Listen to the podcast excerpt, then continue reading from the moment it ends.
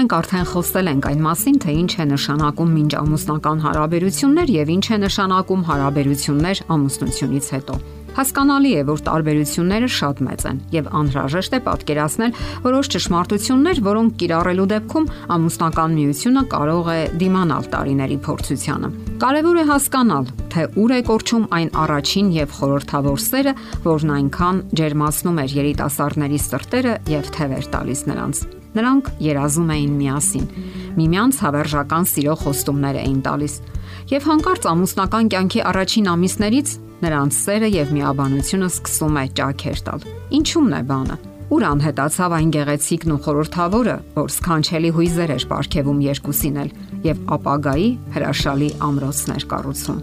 Պարզվում է, որ այդ սերը ոչ մի տեղ էլ չի անհետացել եւ ոչ էլ գոլորշիացել է այն պարզապես փոխակերպվել է զգացմունքների այլ գամմայի, որովհետև նրանք, ովքեր ցանկանում են չզիջել եւ միասին անցնել համատեղ դժվարությունների ուղին, պետք է այլ կերպ մտածեն։ Պետք է մտածեն ինչպես փրկել սերը։ Իսկ նրանք, ովքեր մտածում են, որ իրենց ամուսնությունը սխալ է, սխալ են կատարել կամ անհաջող ընտրություն, թեկուզ եւ թվացial փաստերից ելնելով, այլ զգացմունքներ են սերմանում իրենց մեջ անտարբերությունից մինչև ատելություն։ Սերը նման է սերմի։ Այն հարկավոր է աճեցնել, խնամել ու փայփայել։ Հարկավոր է դուրս գալ այն հիպնոսային վիճակից, որը կոչվում է ոչ թե սեր, այլ սիրահարվածություն։ Իսկ նրանք, ովքեր շատ են խորասուզվել այդ պատրանքային վիճակի մեջ, ավելի դժվարությամբ են դուրս գալիս այդտեղից։ Իսկ պահպանել նշանակում է զարգացնել ու խորացնել դեպի դրականը, այլ ոչ թե տրամադրվել բացասաբար եւ գնալ հարաբերությունների սառեցման։ Գոյություն ունի հարաբերությունների մշակույթի մակարդակ։ Ահա թե ինչն է պատճառը, որ զույգերը չեն կարողանում պահպանել սիրո նախկին ուժգնությունը։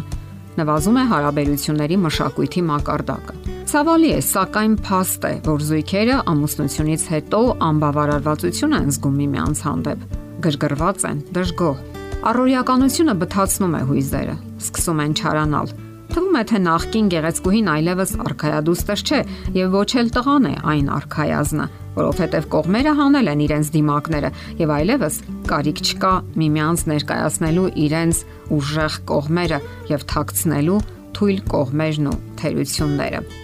Եվ ահա հանվում են դիմակները։ Այն դիմակները, որոնք դրված էին մինչև ամուսնությունը։ Տեղի են ունենում մտածողության փոփոխություններ, մոտավորապես այս ձևով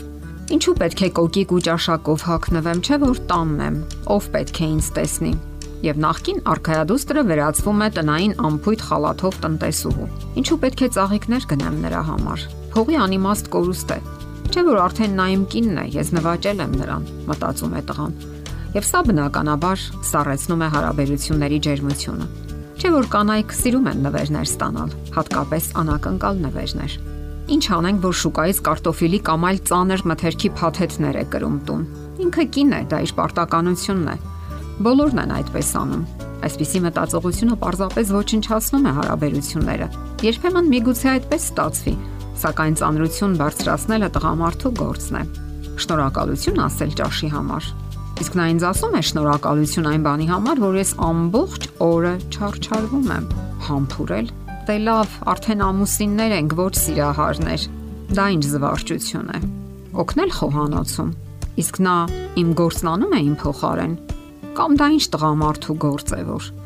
ներողություն խնդրել։ Հետո ինչ որ մի սխալ գործեցի։ Նա ինքն էլ ամբողջ օրը սխալներ է անում։ Եվ այսպես շարունակ։ Այս ցանկը կարելի է երկար շարունակել։ Ընդ որում հետաքրքիր է, որ կանայք սկսում են ցուցադրել իրենց կանացիությունը ուրիշների մոտ իրենց ուրիշների մոտ են փորձում արխայադուստր զգալ, իսկ տղամարդիկ էլ ուրիշների մոտ են այրական ու անհաղթահարելի արխայազն զգում իրենց։ Կարևոր է հասկանալ, որ կյանքի առաջ ընթանալու հետ միաժամանակ փոխվում են նաև բոլոր հարաբերությունները։